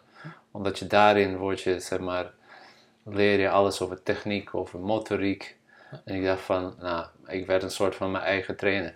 Nou, maar dat, is- en dat is dan niet voor iedereen. Niet iedereen heeft de behoefte om alles tot in de tijd te begrijpen of te doorgronden. Hm. Maar ik wel. En snap je, als je jezelf daaraan toegeeft en je doet dat dan ook, eh, ja, dan voel je het gewoon als een soort van onder controle, heb je vertrouwen. Maar de clue is weten eh, wat jij zelf nodig hebt. ja weten wie je bent en wat je wil en eh, waar je, Precies, en wat wat, werkt voor jou. Ja, En kijk, voor mij, we dwaalden toen we het even hadden over flow en focus. Ja, je, je vraag die Ja. gesteld werd, en eigenlijk kwam ik er steeds niet aan toe, wat ik wilde uitleggen is over vechtlust. ja klopt. Want ik, ben, eh, ik had altijd wel vechten, sinds kleins af aan. Ik denk dat is, dat is een van de vijf eh, Ja. eh, karaktereigenschappen die zich nog het meest eerst ontwikkelt. Want zo gauw je wedstrijden begint te spelen, wil je winnen. En dan heb je altijd van die jongetjes na die lijken wel niet te kunnen slapen als ze niet winnen. Zo belangrijk is het. En, en mensen die het kunnen relativeren. Nou, ik was toen ik klein was, niet in het extreme, maar wel zo één. Snap je? Die, die, het echt, de hele dag was ik zuur als ik niet had eh, gewonnen. Maar het was vrij ongezond. Hmm. Je- Want je gaat nu eenmaal best vaak verliezen. en als je dan elke keer dat gevoel hebt, eh, sure, voor sommige mensen kan het werken. Als ze ook nog eens super talentvol zijn, ze hebben de goede support, de goede training, ze doen de juiste dingen, dan kan dat het verschil uitmaken. Dus die drang naar winst kan het verschil uitmaken of je nou een daal bent of ja, ik veel, nummer 60 van de wereld. Hmm. Maar er zijn heel veel mensen die daaraan, aan die drang voor winst, Ja. ten onder gaan. Er zijn genoeg spelers die ik ken, die nu een, nou weet ik veel, een 2 zijn, 2.0, 1.9, 2.1, die nauwelijks meer tennissen, omdat ze hun rating willen beschermen. Snap je? En dat is zeg maar dat ongezonde vlak. Ze genieten nauwelijks meer tennis, ze genieten van tennis wanneer ze een beetje gaan overslaan, overslaan met iemand. Maar officiële wedstrijden ontwijken ze in feite. En dat is zeg maar het ongezonde aspect ervan. Dus ik wil de gelegenheid nemen om een beetje dan, eh, wat voor mij heel goed wer- gewerkt heeft, toen ik na alle onderzoek besefte van wat vechtlust eigenlijk is. Eh, you know? En het heeft eh, met winnen te maken natuurlijk, maar het heeft niet met winnen te maken in de zin hoe de meeste mensen ervan, eh, het ervan maken. Eh, kijk, van winnen, hoe ik winnen tegenwoordig zie, is een soort van. eh, in het boek neem ik dit voorbeeld ook. Je hebt de baseline, right? En de baseline hoort bij de regels van het spel. Mhm. Zonder die baseline, haal die baseline weg, dan kun je nog steeds prima tennissen, right? Mhm. Maar kun je een wedstrijd spelen zonder de baseline? Nee. Nee, je, je weet niet of de bal in of uit is. En datzelfde, op dezelfde manier kun je winnen zien. Van, het is, you know, je kan prima tennissen zonder de drang of zonder het doel te hebben van winnen. Je kunt prima tennissen, niks aan de hand. Een wedstrijd spelen echter, het hoort erbij. Het enige is, een baseline hebben of niet, is zwart-wit. Of je hebt de baseline of je hebt het niet. Mhm. Het eh, drang en het doel voorop zetten van winnen is niet zo zwart-wit. Het is een beetje gaat van wit via grijs naar zwart. Snap je? Naar hoe erg heb je het? Nou, je doel is gewoon omdat tijdens de wedstrijd. Nou, en waarom neem ik dit? Klinkt een beetje zullig, maar als je van de baan afgestapt bent, boeit het je nog of die baseline er staat? Is het relevant in je leven of de baseline nog eh, staat? Nou, zo relevant hoort de drang en het doel van winnen ook te zijn wanneer je eenmaal van de baan afgestapt bent. En dat is waar het misgaat. En de meeste mensen, net zoals ik, toen ik klein was, kon ik niet slapen of wat dan ook, wanneer ik eh, verloren had. Zit je ermee? Eh, eigenlijk hoor je het loslaten. Het is een regel van het spel. Ja. En als je dan vechtlust goed definieert, in feite is het vecht je niet om te winnen. Eh, je vecht, noem het maar tegen jezelf. En vechtlust is rooted in, in een paar dingen. Eén is dat je positief bent. Snap je? Positief in de zin van, hey, en dat is het mooie aan tennis. 6-0, 5-0, 40-0 achter. Het kan in feite nog. Ja. En het is... En je bent dan niet positief omdat je, eh, eh, omdat je een soort van Blij ben dat je achter staat. of dat je dom bent, of Ja. eh, de- snap je? Of dat je, I don't know, zo- zo'n eh, irrationeel bent. Je bent positief en dit is belangrijk, omdat het een regel van het spel is. Snap je? Ja, het kan. Het, dat je, je hoort nog steeds voor de winst gaan. Ja. Wil je sportief zijn, ga je bij 6-0, 5-0, 4-0 nog steeds voor de winst. Wil je sportief zijn en, en de regels van tennis accepteren, dan ga je bij 6-0, 5-0, 4-0 nog steeds voor de winst. En- Wil je sportief zijn naar de tegenstander en de tegenstander respecteren, dan hoor je ook de spel te respecteren en de regels. 6-0, 5-0, 4-0, ga- ge- ben je nog steeds positief en denk je van, hé, hey, ik kan hier nog steeds iets van maken. Ja. Tweede punt waar vechtlust in geroet is, is eh, problemen oplossen. Daar ben je mee bezig op de tennisbaan. Problemen oplossen. Weer zeg maar die schakel naar het daily life. Hoe, hoe eh, eh, kom je je dag door? Ben je probleemoplossend aan het denken of ben je problemen aan het ontwijken? Een schuld geven aan mensen. En zeggen, Ah, ja, dat dit, vind ik ook wel een leuke, ja. Want dat dit had anders moeten zijn, dat had anders moeten zijn. Of ben je degene Ja. die verantwoordelijkheid neemt? Ja. Nou, bij tennis is hetzelfde. Ik sta 6-3, 2 en achter. Terwijl voor mijn gevoel had ik nu, weet ik veel. Ja, of eh, al, voor eh, moeten staan. Rotbanen, of... eh, exactly. Of neem je de verantwoordelijkheid en zeg je, oké, ik ga dit probleem oplossen. Dat was mijn verantwoordelijkheid. Ik heb toch wat ballen gemist. Ik heb verkeerde keuzes gemaakt. Ga ik nu wat anders doen? Je, je, dus het is positiviteit, het is probleem oplossen. En ik vind voor vechtlust is het belangrijkste ook dat je gewoon fit bent. het is Ja, heel ja. simpel. Ja. Je, het wordt lastig om te vechten. Niet alleen voor je lichaam, maar ook voor je mind. Als je, als je niet fit bent, want dan ga je een, tijdens een zware rally ga je verkeerde Je hebt niets te beslissingen nemen. geven ook, bij Ja. anders. Nee. En is het ook niet zo wat je net zegt, um, ehm, bijvoorbeeld heel graag willen winnen, eh, als je alleen maar focust op het doel, dan vergeet je een beetje de processen waar je eigenlijk wel op moet richten. Dus een beetje, Ja, absoluut. Ja, kijk, die twee dingen, je moet, je moet eigenlijk allebei hebben. Ja. Maar als je hier iets te veel van maakt, inderdaad, dan sta je niet stil bij het proces. Maar eh, het belangrijkste clue is van, eh, je doel is nooit om één wedstrijd te winnen. Je doel is om, om een goede tennisser te worden. Om Ja, je te, groeien, te ontwikkelen. Ja. Kijk, de- het doel van Nadal is niet om, om die ene wedstrijd te winnen. Snap je? Hij, Nee, nee. Snap je? Hij, ik, ik was laatst hier de kans tennissen komt weer. en toen waren er de, nou, iets jongere jongens dan ik volgens mij. Eh, ik heb hier vier jaar geleden in Vervijs, omdat mijn vriendin daar al woonde, heb ik meegaan met open toernooien. Eh, en eh, toen won ik echt heel dik van de jongens die daar eigenlijk clubkampioen werden. Maar het niveau is ook gewoon niet zo heel hoog. En toen kwam ik hem een jaar eh, of een paar, paar weken geleden kwam ik die jongen weer tegen. En toen zei hij, hey Hugo, ben je nu al drie dan? En toen zei ik, nee, ik ben nog vier. Serieus? Hij is dus ook vier, die jongen. Maar toen waren er nog twee jongens bij. En die vroegen me, oh, wat is jouw... Eigenlijk ook geen goede vraag eigenlijk, maar wat is jouw rating? Die jongen, ja, het is, het is 6,2, maar dit en dit is gebeurd. En ik moest tegen een herintreder. En toen zei ik ook tegen hem van... Ja, eigenlijk, ik heb niet gezegd dat het geen goede vraag van me was, maar zei... eh, ik had een eh, potje tot de 10 tegen al die jongens gedaan. Zeg, je staat echt supergoed te spelen, maar het gaat eigenlijk niet omdat jij van 6,2 dat je, dat je van kan zeggen dat je 5 bent. Jouw, jij ontwikkelt je gewoon. blijft hetzelfde voor iedereen. Ja, jij ontwikkelt je en die rating gaat wel met je mee als jij je blijft ontwikkelen. Maar niet andersom, niet dat jij alleen maar die rating. Dat merk ik soms nu ook, met dat delen ook op YouTube. Ik wil drie worden. Dan vraag ik me, heb je al tegen een drietje gespeeld? Heb je al gewonnen? Heb je al dit gedaan? En denk ik, ja, maar ik merk aan mezelf dat als ik te veel erop richt, niet genoeg, dat dat niet echt helpt. Kijk, het, is, je, eh, het beste is om het te zien als een stukje feedback. Ja. Het is een stukje feedback, net zoals elke ander stukje feedback. Blijkbaar, als je, als je groeit in je rating, dat is feedback. Oh, ik ben goed bezig, ik doe iets goed. Ik ben mijn spel aan het verbeteren, ik los problemen op. Als het niet omhoog gaat, is dat feedback. Oké, dus wat gaat er precies fout? Is het, ben ik minder aan het spelen? Ben ik mentaal minder aan het spelen? Hm. Kijk, en, en het is hartstikke oké, joh. Ik bedoel, eh, in de sportpsychologie eh, eh, zeggen ze het van eh, als je eenmaal volwassen bent, dan ben je in de perfectiezoekende fase.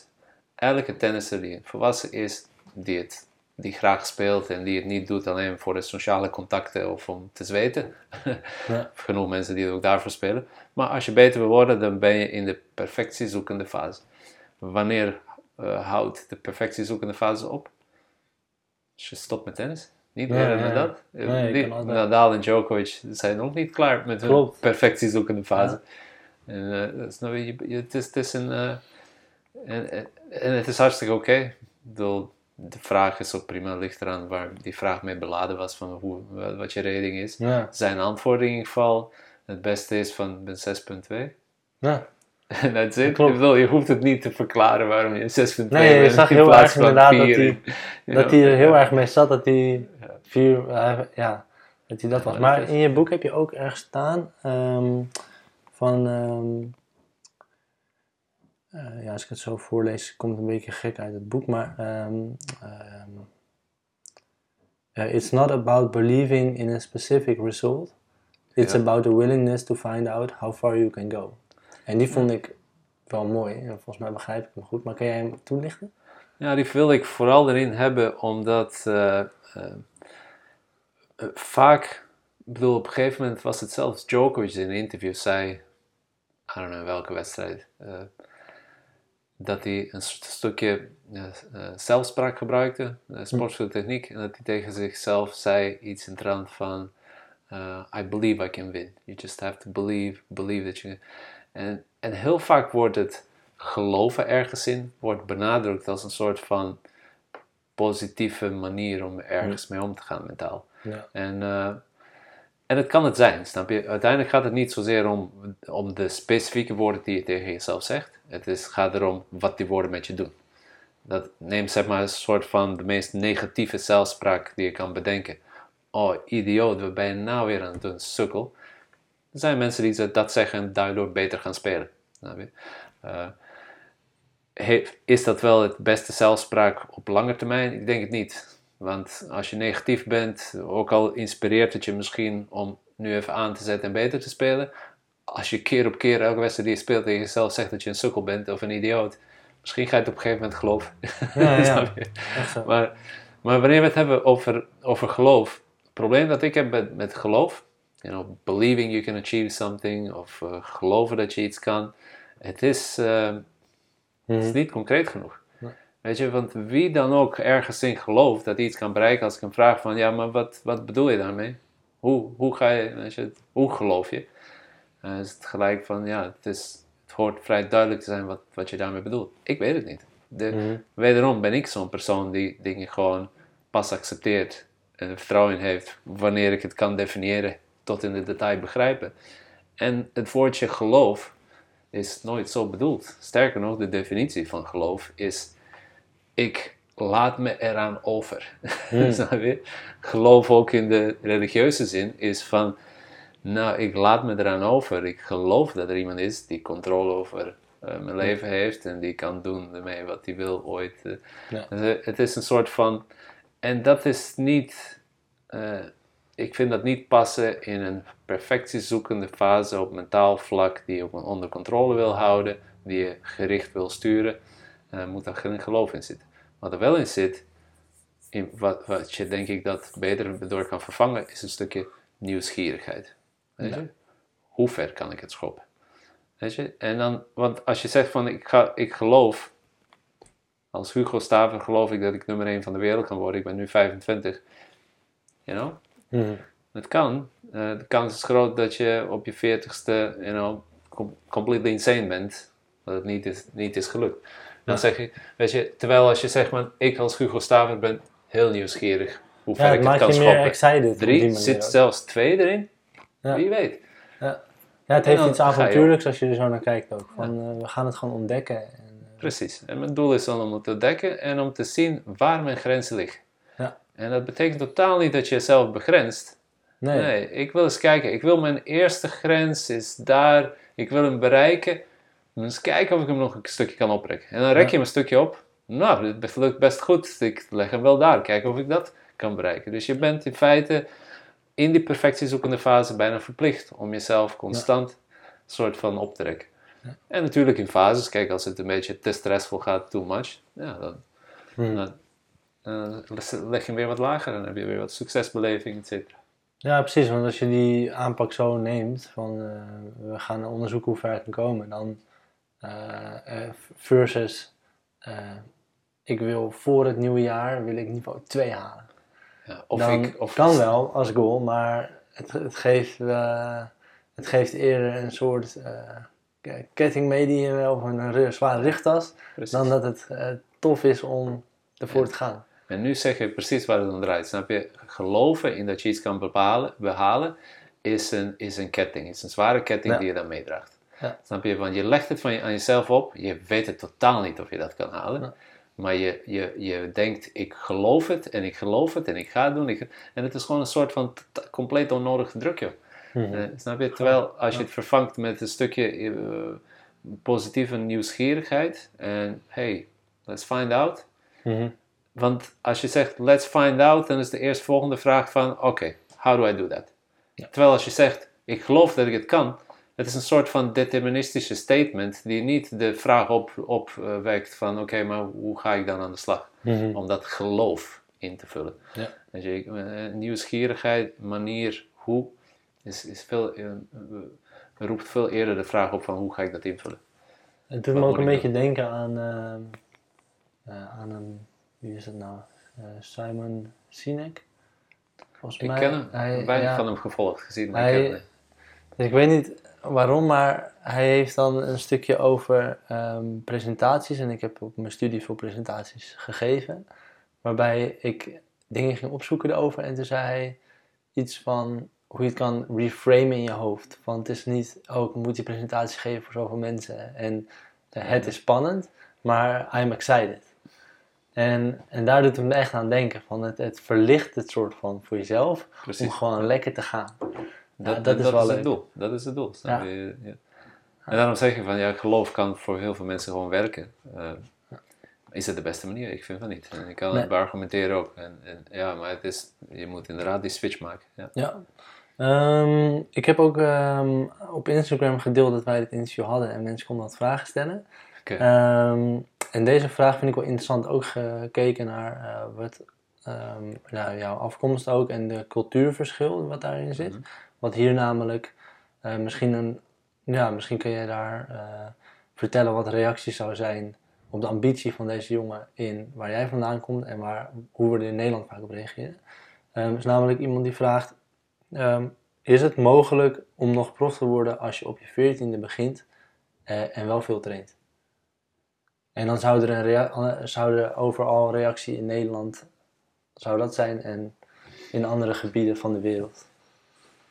Ja, ik, ehm, er zijn, eh, om mee te beginnen, er zijn absoluut eh, relevante cultuurverschillen tussen Nederland en, en Bosnië en Balkan Ja. voor wat betreft sportstimulering.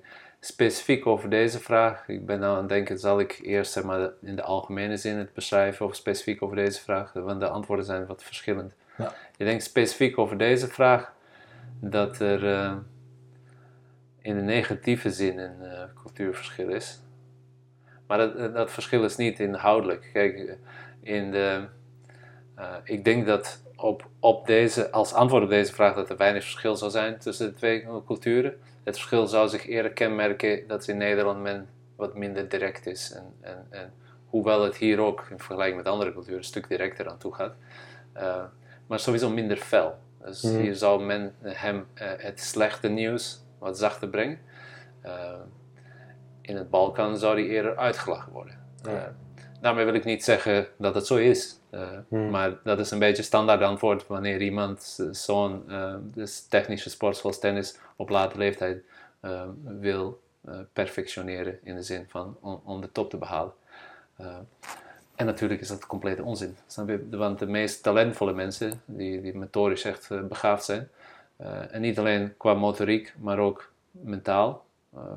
En, en dan heb ik het vooral over het feit van eh, hoe goed ben je in het eh, in leren. Dat wordt bij talent wordt dat bijna nooit erbij verteld. Meestal wordt talent gezien gewoon puur het, eh, het technisch. misschien ook een stukje tactisch vermogen, maar vooral eigenlijk de oog-handcoördinatie en de motoriek, de snelheid van je, van je handelingen. Maar wordt, vaak wordt het, wordt het leervermogen compleet vergeten. Nou, ik, heb, ik geef nu wel eens eh, coaching sessies aan een, aan een jongen uit het eh, zuiden van het land, Jonathan. Hij is nu 11. En eh, zijn vader vraagt me wel eens, maar niet met die, mijn vader is heel goed bezig, hij traint fantastisch. Maar de vraag is altijd van, ja, hoe ver kan hij het schoppen? En, en Jonathan is niet de meest talentvolle jongen, maar hij is wel de jongen, de meest leer, leergierige jongen die ik ooit gezien heb. Hm. Je hoeft maar één ding, zijn ogen zijn constant op zoek en je hoeft hem maar één clue te geven. Hij pakt hem direct op en doet er iets mee. Hm. En ik ken genoeg spelers die eigenlijk veel beter zijn. Nou, je moet honderd keer een ding aan ze vertellen en nog steeds doen ze er heel weinig mee. Het is alsof het niet helemaal binnenkomt. Mhm. Nou, en er is ook een stukje van dat talent. Ik heb nu op mijn vereniging een jongen die, eh, die is een vier volgens mij, maar wordt heel snel drie. Op zijn twaalfde is hij begonnen. Aan zijn slagen merk je totaal niet dat hij zo, zo laat is begonnen. Ehm, dus weet je, het hangt Ja. een beetje van de speler af als je 14 bent. Maar bereid je wel. Ik denk dat hij al een voordeel heeft aan het feit dat hij van iedereen zal horen dat het niet kan. Ja. Want dat, snap je, ontwikkel je een soort van weerstand. Ja, nou, dat hoop ik ook. Dat, ja. iemand, dat hij dat inderdaad zo ziet, dat hij zich niet laat tegenhouden. Precies. Ehm, en Dus- daar heb je het ook over natuurlijk, hè, het boekje su- Support System van mensen om je heen die belangrijk zijn. En ehm, En Ja. over, dat, over dat, sorry dat ik onderbreek, Ja. maar over dat cultuurverschil. Dus ik denk in die zin dat, dat er weinig eh, cultuurverschil is in hoe dat Ja, dit- dit- veroordeeld op de verkeerde manier zou zijn. Eh, Want ik geloof dat absoluut niet dat je het zo moet oordelen, maar de meeste mensen zullen het doen. Het cultuurverschil zit hem in hoe de message gebracht zal worden. Nou, Dus in Balkan veel verder. Maar het voornamelijke cultuurverschil wat ik in ieder geval meegemaakt heb tussen Nederland en, en... Kijk, in Nederland heb ik het gevoel gehad dat zowel van de bovenkant, dus echt de presteerders, mensen die zich onderscheiden van de rest, dus bijvoorbeeld bij tennis, en de onderpresteerders, mensen die gewoon als laatste eindigen, worden, beide kanten worden een beetje naar het midden gedrukt in Ja. Nederland. Hier beneden met troostprijzen. Van Mhm. nee, doe maar lekker Ja. mee, het is belangrijk om mee te doen. De verliezersrondes. Ja, en hierboven door niet zo arrogant doen, doe maar even normaal. Ja. Eh, wel sportief blijven naar iedereen. En eh, ook al ben jij de winnaar, iedereen krijgt dezelfde Ja, kans. Ook, Dus het wordt een beetje naar midden gedrukt. klopt. Ook eh, als je heel hard traint. Ik hoor het ook nu. Ik ben eh, helemaal geen, geen profambities. Maar eh, dan train ik heel veel. En dan zeggen echt meerdere mensen om me heen. Van joh, doe nou eens rustig aan. En waarom doe je dit allemaal? Ik zeg omdat ik het heel leuk vind. En weet je, hou me niet zoveel tegen. En, en is het zo verkeerd als jij zal zeggen van, nou, ik wil me, ik, weet je, dat ga je niet, natuurlijk niet zeggen omdat je niet asociaal bent, je wil niet onaardig zijn, maar in feite, eh, als je speelt met een groepje traint, wil je je onderscheiden. Right? Mm. I mean, uiteindelijk willen we toch het beste zijn van het groepje. Nou, niemand wil zo een eikel zijn om dat te zeggen, maar daar ben je toch wel mee bezig. Ja. En kijk, en, in de Balkancultuur wordt, is die drukte niet van dat Nee. mensen een beetje naar beneden gedrukt worden of naar boven. Troostprijzen ken ik daar niet.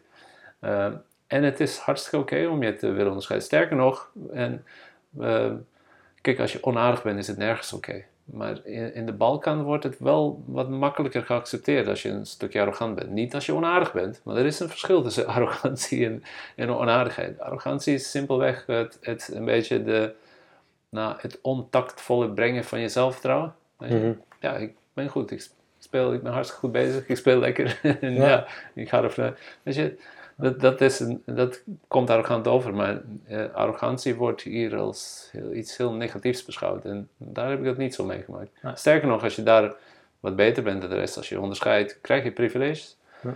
En, en hier is dat eh, niet zo, al is het vaak ook wel zo dat je die privileges krijgt, wordt het vooral niet zeg maar, een beetje ja, ingepakt Mm. en, en niet zichtbaar gemaakt. Dus voor mij is dat eh, vooral het eh, cultuurverschil in tennis wat ik meegemaakt heb tussen, tussen eh, Bosnië en, en Nederland.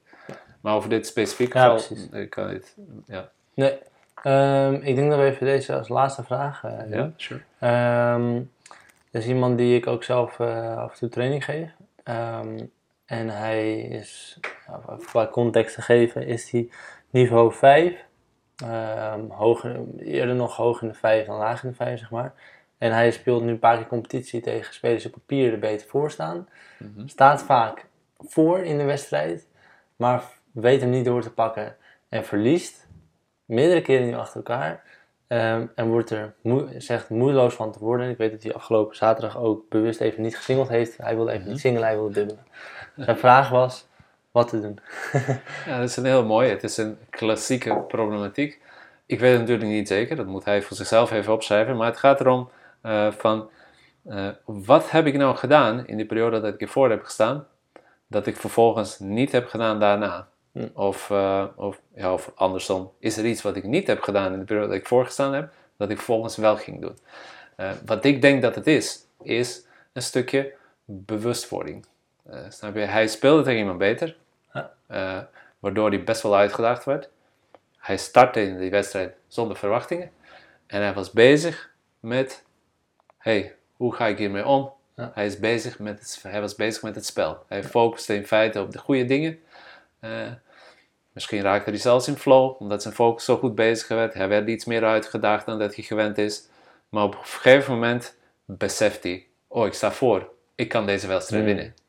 Snap je? Ja. Op dat moment kom je in een soort van bewustheid. Ik noem dat in het boek ook awareness trap. In een, in een, in een val kom je terecht, een bewustzijnsval, waarbij je gaat nadenken over het nadenken. En eh, je bent dan niet meer bezig met focus op het spel zelf, eh, maar je bent dan bezig om na te denken van, kan ik deze wedstrijd winnen? Wat als ik dit punt win? Wat? En weet je, en het overkomt eh, vaak en veel mensen. En daardoor is het ook lastig om een wedstrijd af, te, af te maken of uit, uit te serveren of Mm. wat dan ook. Ja. Deels ook omdat ja, een tegenstander die, weet je, in het nauw gedreven is, vaak gaan mensen beter spelen dan je tegenstanders. Ja. Maar de clue is ook om in feite eh, ook op die momenten te zeggen van joh, weet je, als je moet liegen tegen jezelf alsof het 1-1 is in de eerste set, dan, dan moet je dat, Ja. dat maar doen. Maar het gaat erom dat je jezelf uit die bewustzijn krijgt. En daar komen dan zeg maar die routines. eh, kijk, als dit je issue is, je schrijft wat dingen op, je kijkt wat is mijn standaard gewoonte, oh, dat ik veel ga nadenken, dat ik besef hoe goed die gast eigenlijk is, wat die speler is, van kan ik dit wel winnen, dat ik daarover ga nadenken. Nou, dat wil ik vervangen door deze routine. Ja, ja. En dan ga je dat uitvoeren. En de routine kan simpelweg zijn door, nou, ik wil meer focus eh, op de bal, dan, dan weet je, neem je wat rustmomenten, en dan neem je een, een duidelijk tactisch eh, plannetje wat je wil uitvoeren en dan denk je alleen na over de dingen die relevant zijn voor het spel nu, voor het eerst aankomende punt. Eh, en dat zijn verschillende manieren hoe je dat dan kan. Of je je kan een routinetje maken voor vlak voordat je retourneert, vlak voordat je sfeert. Je kan een routine maken voor tijdens die rustmomenten tussen de punten door. Of je kan een routine maken voor op het bank. Of je kan ze alle drie maken. Ja. En dan uittesten, kijken wat goed voelt. En uitvoeren, herhalen, herhalen. ja. en als je dat top. herhaalt, herhaalt, dan wordt dat de nieuwe gewoonte. En het vervangt die ene gewoonte dat je in je hoofd gaat zitten. eh, Mhm. en het nadenken van, hey, kan ik dit wel afsluiten, Ja, mooi. deze wedstrijd? Ja, het is echt Ik veel- vermoed dat het dat is. Ja, precies. Het is ook veel, veel terugkoppelen voor jezelf. Denk ik ook inderdaad, wat werkte nou goed en wat heb ik dan later anders gedaan. En ja, gewoon dingen die je beleeft. Ik denk ook wat ik inderdaad in je model zie van dat je, eh, ja, dat je dingen weer ook naloopt voordat je je wedstrijd begint, maar ook daarna. En tijdens het is gewoon de hele tijd een proces waar je natuurlijk Ja. mee bezig bent. En ik denk dat we dat wel kunnen concluderen ook van het mentale aspect is gewoon iets wat nou in, in, in die vijf, eh, of die, eigenlijk die drie, vijf, hoe zeg je het, de triple, ja, de triple vijf, Ja. eigenlijk dat je dat kan doorlopen, dat echt trainbaar is. Ja, En precies. En, en het mooie is, dat ik- mijn, mijn, mijn punt is, je, je traint het al. Ja, Zonder er bewust, van bewust te zijn. En vaak trainen mensen eh, eh, redelijk zelfdestructief. Als we het hebben over zeg maar, de periode na de wedstrijd. Eh, bij de pro's is dat de, de press conference. En bij ons is dat van hoe bespreek je het met je tegenstander, hoe vertel je het straks aan je vriendin en aan, aan je maatjes hoe je gespeeld hebt. Ja. En ook de pro's doen het fout. Weet je, ook de pro's doen het echt fout. En als ze het goed doen, dan vind ik dat ze het vaak goed doen zonder er bewust van te zijn. Nadaal fout? bijvoorbeeld. wat doen zij? Uh, dus ze praten bijvoorbeeld, kijk, Nadal doet het in de nabespreking, dus bij de press conference vind ik dat hij uh, het het beste doet. Ja. Uh, nou, Djokovic en, en Federer eigenlijk ook, Murray niet. Hm. Maar Nadal laat zich nooit meezuigen om te lang te praten over wat hij allemaal verkeerd deed. Nee. Snap je? Dus zelfs, en, en vaak als Nadal een wedstrijd speelt, dan worden er tien verschillende vragen gesteld, allemaal over hetzelfde. Wat deed je nou verkeerd? Wat ging er nou fout? Hij laat zich daar nooit in meezuigen. En de reden is heel simpel. Als jij gaat praten over wat allemaal fout is gegaan, dan dik je dat aan in je hoofd. Ja, ja, En dat is wat je vervolgens onthoudt. ja. Antwoorden van Nadal zijn meestal wat hij anders had moeten doen. Hm. Dus hij zegt, even, even ko- kort zegt hij van, ja, maar balls were short. Ik speel het kort. Maar vervolgens gaat hij, gaat hij uitgebreid vertellen wat hij, dat hij eigenlijk veel harder moet trainen. Allee. En dat Ja. hij de ballen dieper moet slaan. En als hij de, dieper, de ballen dieper slaat, dat hij eigenlijk veel meer druk zet. En dat het compleet een andere partij is. En snap je, dus in feite heeft hij op dat moment, door er op zo'n manier over te praten, Mm. heeft hij een soort van alternatieve realiteit voor zichzelf gecreëerd van die wedstrijd. Dus hij onthoudt die wedstrijd in trant van, wat had ik anders moeten doen? Ja. In plaats van, wat ging er allemaal fout? Dus dat is als je verliest. als het klopt. niet goed gaat, wil je dat zeg maar reframen in, wat had ik anders moeten doen? Dat onthoud je. En daarmee train je jezelf in feite. Ja. Dat je het volgende keer zo gaat doen. Ja, dat was volgens mij ook wel het antwoord wat ik gaf in zijn. ehm, in, in, want hij stelt die vraag dan in ons programma. eh, en dan kunnen andere mensen ook op reageren. En dat was inderdaad ook wat ik zei van. ehm, en dat zie ik ook bij als ik hem train. Van bedenk juist niet eh, van ik wil. En nu geen dubbelfout, nu geen dubbelfout, nu geen dubbelfout. roze Maar, olifant, right? ja, ja. bewijs van eh, nu mijn benen gebruiken, want dat helpt mij bij mijn surgery. Dus wat het ook zegt, juist heel Precies. veel naar actiegerichtheid. Ja, ja. Ja, En kijk, als je wint en goed gespeeld hebt, dan wil je het andersom doen. Dan wil je het niet te veel analyseren wat nou zo geweldig was. Maar Mhm. vooral genieten en er veel over praten. En aan zoveel mogelijk mensen vertellen. Misschien in je dagboek opschrijven. Hoe lekker het voelde om die voorhands te slaan. Hoe goed je serveerde. Wederom, je dikt dat gevoel aan. Ja. Dat werkt aan je zelfvertrouwen, voornamelijk je zelfvertrouwen, maar ook, ook andere dingen. Dus je, je bereidt jezelf, in feite, daarmee train je jezelf voor eh, om, om beter te presteren de volgende keer. Ja. Dus dat is zeg maar de voornamelijke clue in, die, in dat stukje na de wedstrijd. Eh, bij de, voor de wedstrijd. Maar kijk, ook de pro's. Ik heb, Murray heb ik een paar keer in een interview vroeger gezien dat hij eh, gaat praten over. Ja, het is belangrijk voor mezelf trouwens als ik maar eh, de eerste ronde win of zo. Dan denk je van, dude, weet je, stel dat je de eerste ronde niet wint. Ja, ja. Snap je? Wat je doe hebt net gezegd dat het belangrijk is voor jezelf trouwens dat je die... Ik, Ja. Sure, tuurlijk, winst is, snap je, resultaat, succesbeleving, dat is belangrijk voor je zelfvertrouwen. Maar je wil het niet eh, echt hangen aan het resultaat zelf. van het zijn, ja. Maar je hebt het resultaat niet onder controle. Je wil je zelfvertrouwen laten afhangen van dingen die je onder controle hebt. En Ja. dat is niet winst en verlies. Je kan een perfecte wedstrijd spelen en nog steeds verliezen. Dus ja, en voor hetzelfde geld, als je dat te vaak zegt tegen jezelf, dan ga je echt twijfelen eh, aan, je, eh, aan jezelf, terwijl het nergens voor nodig is. En sterker nog, het is eigenlijk hartstikke normaal. En meestal als je bijvoorbeeld, eh, neem jou nou, jij bent nu een 4. Ja. als je je doel behaalt en op een gegeven moment ga je 3 spelen, ja, nu speel je bepaalde eh, competitieklassen, win je bijna alles. En eh, je wordt dan op een gegeven moment 3. Je gaat dan een iets hogere competitieklasse spelen. En ik durf te wedden dat je dan net zo goed, misschien zelfs iets beter gaat spelen. Maar de kans is groot dat je toch wat meer verliest dan wint. Hmm. Dan moet je dan inboeten aan zelfvertrouwen. Ja, Dus ja, nee, je inderdaad. bent eigenlijk beter aan het spelen. Dus het enige wat je gedaan hebt, je hebt je plateau verlegd. Dus het is hartstikke normaal dat je nu wat meer verliest dan toen je op 4 speelde.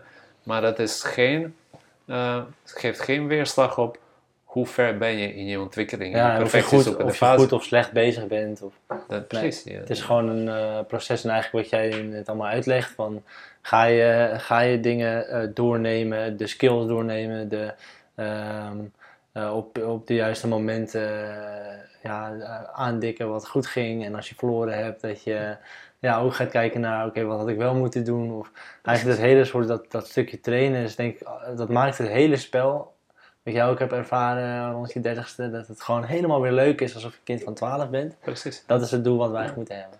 Zo tennis ik nu nog steeds. Ik, bedoel, Ja. ik heb zelfs wat blessures opgelost en, en nu ben ik echt zo aan het genieten van het spel. Hoeveel, welk niveau ben jij nu? Ik ben drie. Ja, oké, dus ik moet een keer tegen jou spelen. en als ik dan niet win, nee. nee, ja, leuk.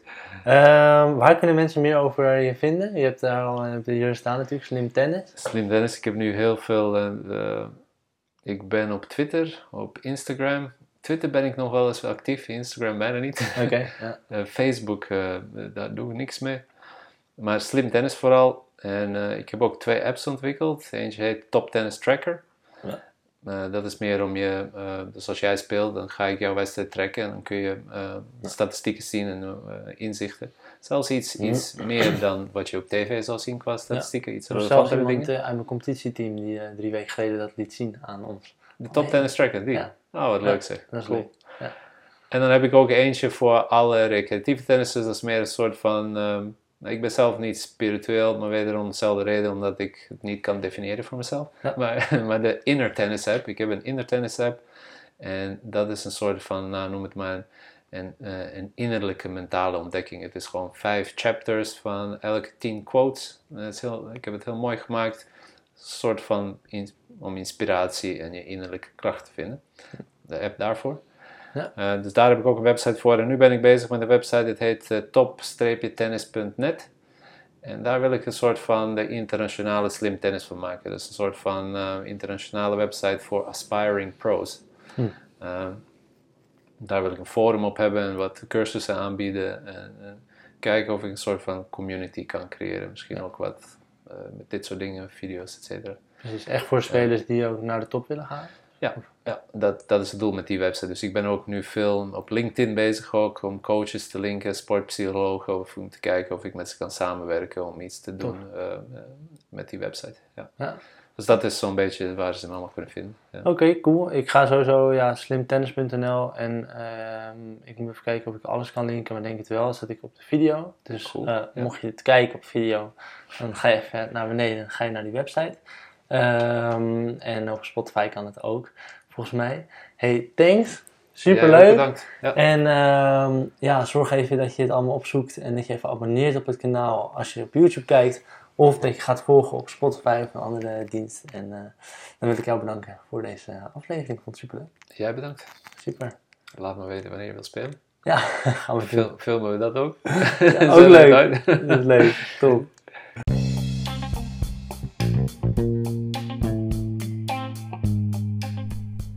Bedankt voor het luisteren naar deze aflevering van de Tennis the World podcast. Heeft deze podcast jou geholpen? Dan hoop ik dat jij ons ook kan helpen naar meer luisteraars. Deel deze podcast in jouw Instagram. Wij gaan jou reposten. Wij gaan een connectie met jou leggen. Ehm, en als jij ons nog meer wil helpen, schrijf dan even een review op Google over wat je van Tennis the World vindt. Of schrijf een review op de Apple app. Eh, en dan zijn wij onwijs blij. Dus bedankt voor het luisteren en tot de volgende keer.